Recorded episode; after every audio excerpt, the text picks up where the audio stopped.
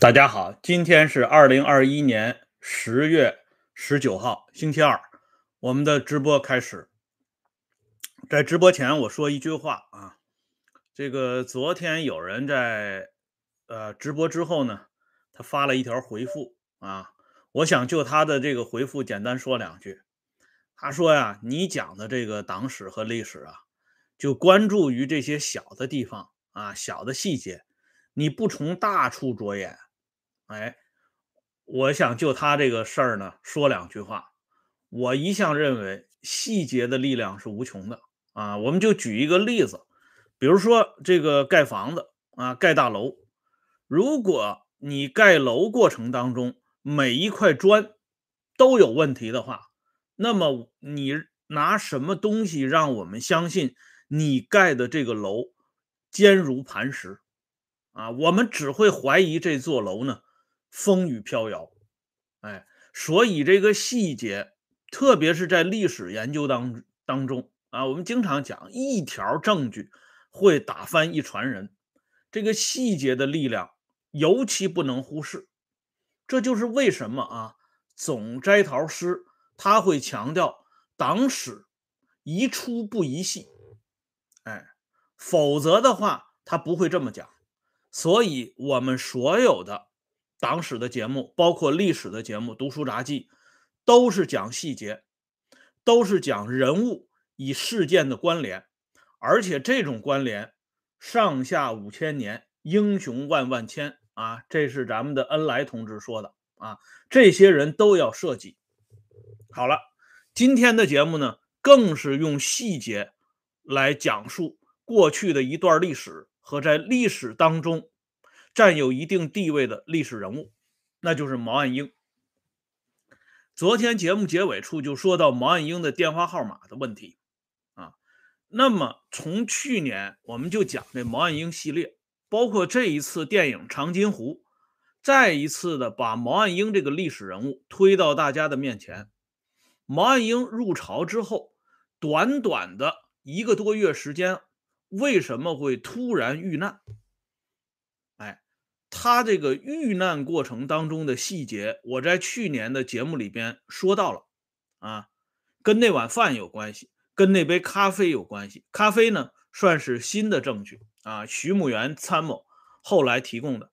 那么今天呢，又有了一个新证据链加入了。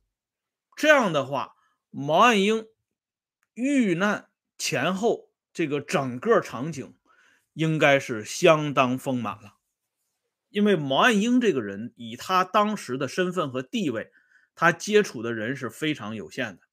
那么这几个细节啊，都同时交织在一个关键环节上，那么就说说明毛岸英的遇难大致情况基本如此啊。哪怕是再过多少年，有再多的啊解密资料出现。也不会跳出这个大框架。那么，先来看一下电话号码的事情。毛岸英的电话号码，在进了北平城以后，只有极少数人知道，除了毛泽东、江青夫妇之外，啊，高级领导人和高级领导干部当中，只有李克农掌握。哎，就是说毛岸英。在这个北京机器总厂工作，他的直接联系电话号码由李克农负责。这件事情呢，是由彭德怀的秘书王亚志先生专门写到了回忆文章中。此文刊载于《百年潮》二零一一年第二期。这件事情的起始是这样的：一九五零年十月七号下午。代总参谋长聂荣臻打电话给军委作战部部长兼第一局局长李涛，告诉李涛，军委办公厅那位俄语翻译去不了了，改由毛岸英去。听说毛岸英目前在天津市，请你用电话告知天津市市长黄敬，让毛岸英赶回北京，明天随。彭总到东北去，这是聂荣臻给李涛的电话内容。这个电话内容，王亚志记录下来，应该是源自于他们当时通电话的电话记录本啊。因为这个电话记录后来被李涛专门写进他向中央和中央军委的报告当中去，这是不敢造假的。这个天津市市长黄静呢，大家都知道是江青的前夫啊。这样呢，李涛就通过长途台。去找天津市市长黄敬，但是没有接通。而这个时候，有一个人进入到李涛的现场了。这个人就是当时的中央军委总情报部部长李克农。李克农马上就通过啊细节，就是细节，知道了李涛用长途电话台要通黄静的电话，所以李克农进门之后。单刀直入的就问李涛：“你找黄静干什么？”啊，李涛呢就跟他说：“要找毛岸英。”李克农说：“毛岸英不在天津。”啊，我知道他的电话，因为李涛把聂荣臻代总长的电话的原文向李克农复述了，而李克农直接告诉李涛：“啊，毛岸英不在天津。”可见毛岸英的行踪啊，聂荣臻这样一个代总参谋长，李涛这样一个啊总管全军作战工作的作战部部长都不清楚。而王亚志的这个回忆实际上推翻了以前 有一种说法，就是军委作战部部长李涛啊向彭德怀推荐毛岸英担任 俄语翻译的。这个东西啊，这也是出自于官方出版的《毛岸英传》那本《毛岸英传》呢，我没给大家展示啊，因为之前系列里边已经给展示过这本书了。而这个时候呢，由李克农提供的这个电话号码起了作用，到这个北京这个机器总厂去找这个毛岸英，但是工厂方面呢说毛岸英目前不在。啊，李克农有点着急。李克农呢，马上通过其他渠道啊，跟这个毛岸英要取得联系，并且告知毛岸英马上到中南海居仁堂军委作战部部长李涛办公室报道。毛岸英在晚饭前赶到居仁堂。李涛亲口告诉毛岸英，中央决定出兵朝鲜，由彭总挂帅。啊，原计划派军委办公厅俄语翻译去，现在决定他不去了，由你随彭总去东北沈阳。毛岸英表示答应。啊，那么整个这件事情的过程，啊，其实。如果这个人不是毛岸英，而是另外一名啊普通干部的话，即使这个干部日后出现了什么样的情况，上至聂荣臻、李涛，下到李克农，都没有必要或者说没有义务向中央写整个的详细报告。但由于这个人是毛岸英，所以在毛岸英十一月份遇难之后。从聂荣臻开始，到李涛，到李克农，都给中央写了这个报告。其中李涛的这个报告书面报告是王亚志专门回忆的，把整个啊如何了解到毛岸英的电话号码，如何找到毛岸英，在毛岸英到居仁堂军委作战部现场办公室啊，他们之间有了什么样的对话？都详细的写到了这个书面报告当中去，由此呢，我们就可以看到上级机关，包括整个的这个党和人民，对毛岸英的这种保护啊，或者说是爱护，那是非常不同寻常的。那么这里呢，还要说一点，就是王亚志的这个回忆很宝贵啊，由于他是彭德怀的秘书嘛。所以他有一些细节也是第一次向外界公开披露，那就是说，截止到十月七号下午，啊，聂荣臻在打电话的时候，根本不存在以往的那种说法，就是毛岸英主动请缨到朝鲜参战啊，或者说呢，向彭德怀主动提出来，他要追随彭总到朝鲜啊。所以王亚志他的回忆说，毛岸英入朝一事，在很多出版物上写为主动请缨，甚至说毛岸英在毛泽东面前缠着彭叔叔，非要入朝不可。实际上，王亚志说，十月七号之前，毛岸英根本不知道自己要参加这场朝鲜战争，毛岸英也不知道。中方要决定出兵朝鲜，啊，这里呢，王亚志举了一个例子，就是毛岸英同他的妻子刘思齐最后的告别，这是刘思齐本人的回忆，啊，刘思齐说呢，啊，啊，我刚才有一个口误啊，这个时间十月七号是。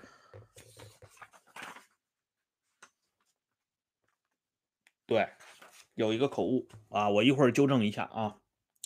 呃，刘思齐这么讲的啊，刘思齐说，十月二号下午，毛岸英来了一次，从此一连十多天都没有了踪影。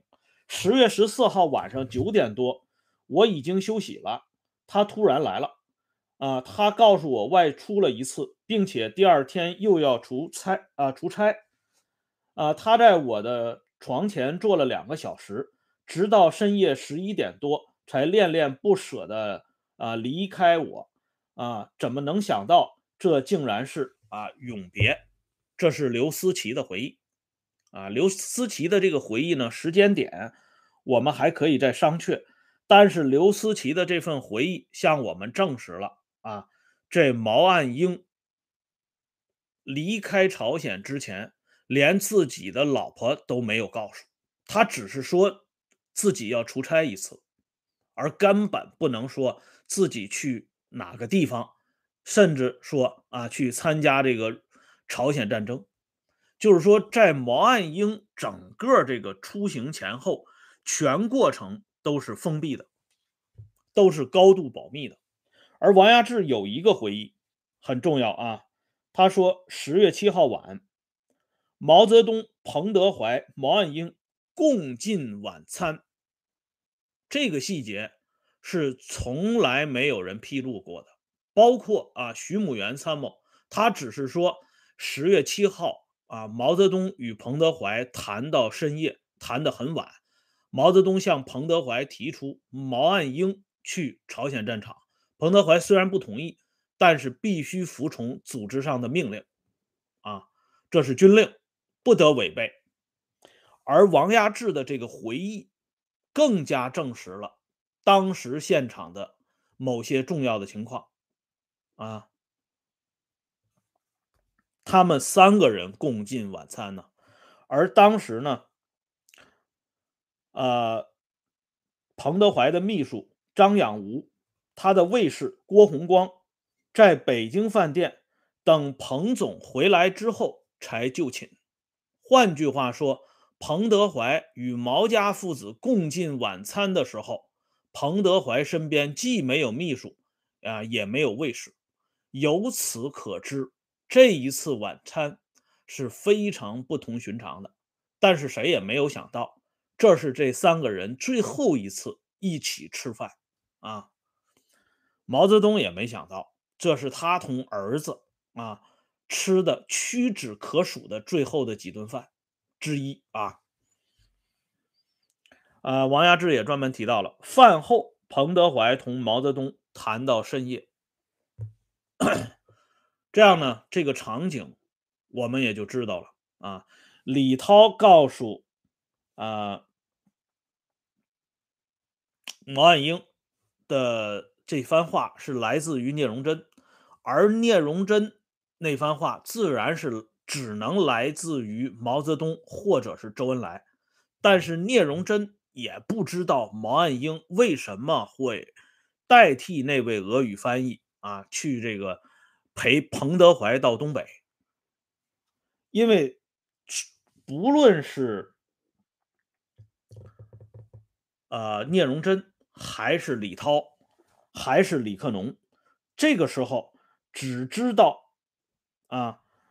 毛岸英是陪同彭总到东北地区沈阳去，也不知道毛岸英是追随彭总去朝鲜战场，就是说这保密工作做到了这一步啊。到了十月七号晚上，终于摊牌了，毛岸英入朝。哎，那这个细节呢，对我们以前的很多说法。就来了一个推翻，哎，你比如说我昨天提到的毛岸英传记里边说毛岸英跟什么帅妈妈告别等等啊，这些都不存在了。他就算是告别，也只能跟他的亲爹或者是他的江妈妈啊，但是这个我们就不讨论了。那么毛岸英到了朝鲜之后。啊他受到了什么样的待遇？这里边呢，我们要引述另外一个人的回忆。这个人的回忆呢，也非常重要。这是发表在二零一零年《纵横》杂志啊这个第八期上边的一篇重要的回忆文章。这篇文章的作者呢，是后来担任全国政协副主席啊。中国人民解放军总后勤部部长的赵南起上将，啊，我当初不是提吗？这是一个副国级的人物，说的就是赵南起。赵南起当时啊是担任入朝志愿军的朝鲜语翻译。由于都是翻译的原因，由于阴差阳错，让赵南起这么一个啊，仅仅参加革命才五年的县团级干部、团职干部啊，得以与毛泽东的长子毛岸英睡在一个房间里啊，这是一个挺幸运的事儿啊。这是赵南起自己说的啊。这样呢，赵南起才有资格写这篇文章，这个文章的题目才可以这么叫：怀念我的战友。毛岸英啊，否则他有什么资格把毛岸英称之为战友呢？哎，当然了，这也是由于毛岸英的提前遇难。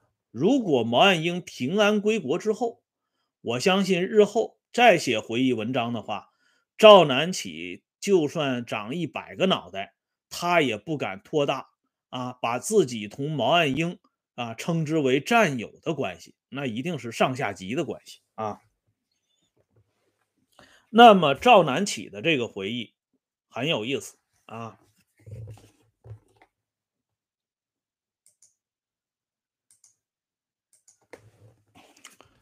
赵南起的这个回忆呢，讲述了毛岸英当时入朝之后啊，不仅是在这种。而且他进入朝鲜之后的这个待遇跟一般人是不一样的，啊，从他的这个待遇也说明了，当时不论是北京还是志司啊，就是志愿军司令部，对整个这毛岸英的保密工作做的还是相当可以的，啊，就差把这毛岸英拴在彭德怀的裤腰带上。我们来看一下啊，呃，赵南起的回忆呢，有一个地方说的跟徐母元的回忆有差异，就是说赵南起说毛岸英是一九五零年十月二十二号晚上入朝的，这个呢，徐母元的回忆是毛岸英是十月二十三号啊入朝的，呃，赵南起呢。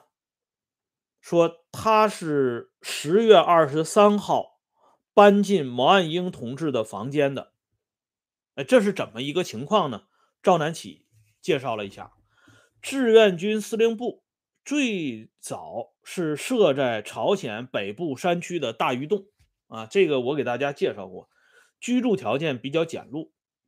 那么矿洞口的不远处有一栋两间的简易房啊，这是临时搭建的。这两间简易房呢，是志愿军司令员兼政治委员彭德怀的办公室啊。彭德怀在那里吃住和办公。离彭德怀办公室不远的地方是一栋三个房间的房子啊。那么中间的大房间是大通铺，有十五六名参谋来住啊。这些人呢，主要是做这个具体工作的啊，跑腿的。哎，那么两头呢，各自隔开了一个十几平米的小房间。哎，东边这个房间呢，是由志愿军司令部作战处处长丁甘如。和副处长杨迪，哎，这个大家都听到过这个名字啊。杨迪这个蛋炒饭的典故就是来自于这位杨副处长啊。那么西边这个房间是赵南起和毛岸英来居住。刚才我给大家介绍了啊，赵南起只是个团级干部，也仅仅是个朝语翻译，特别是他革命的年龄。党龄军龄非常浅，只有五年啊。那么他怎么能跟毛岸英住在一起呢？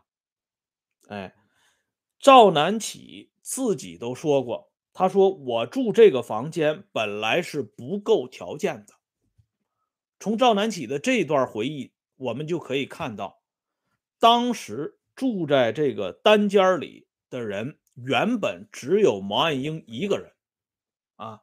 那边呢？丁甘如，大家知道丁甘如是什么人吗？我简单给大家说一下，丁甘如这个名字是多次啊出现在志愿军朝鲜战争战场上的啊一个非常熟悉的名字。丁甘如是一九五五年被授予少将军衔福建人啊，他是一九三二年参加中国工农红军啊。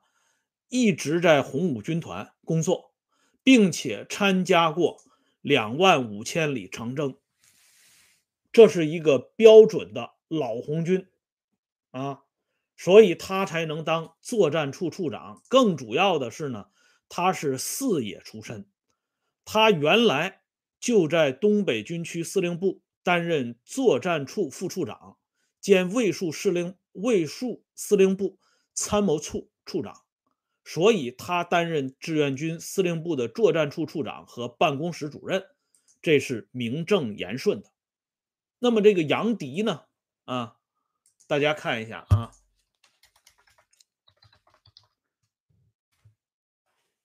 杨迪啊，他最后的职务是沈阳军区参谋长，就是大军区副职啊。他的履历是什么呢？他是湖南湘潭人啊，跟毛泽东是同乡啊。他是一九三八年到延安，在胡耀邦担任校长的抗日军政大学第一分校学习，并且入党。他是一九三九年尚未结业的时候就被中央军委一局任用，担任第一局的参谋。人家是常年啊从事参谋工作。换句话说呢，作战处处长是老红军，副处长是老八路，啊，这样的资格的人呢，他们两个人才睡到一个房间里。而赵南起说过，啊，毛岸英呢是单独住一个房间，原来是这么定的。由此我们可以看到，彭德怀对毛岸英的照顾和保密工作，从一开始。就抓得很紧啊！以往那种说彭德怀疏忽大意啊等等的这些说法站不住脚。毛岸英是谁？没有比彭德怀更清楚的。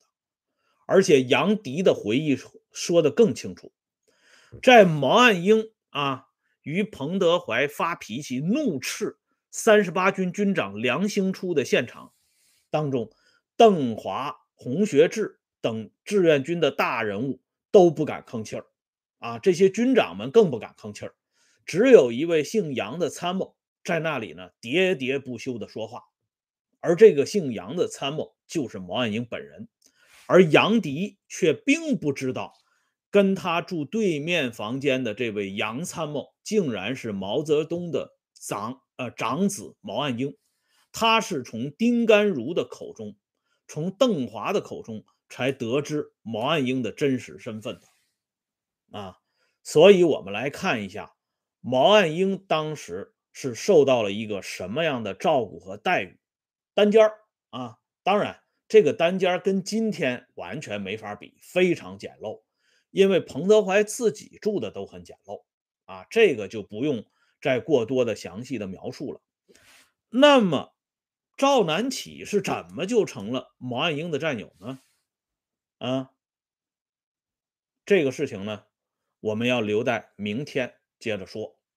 今天呢就说到这里，感谢朋友们上来点赞、收听和收看，欢迎大家关注“温相说时政”会员频道啊。经常有更新，再见。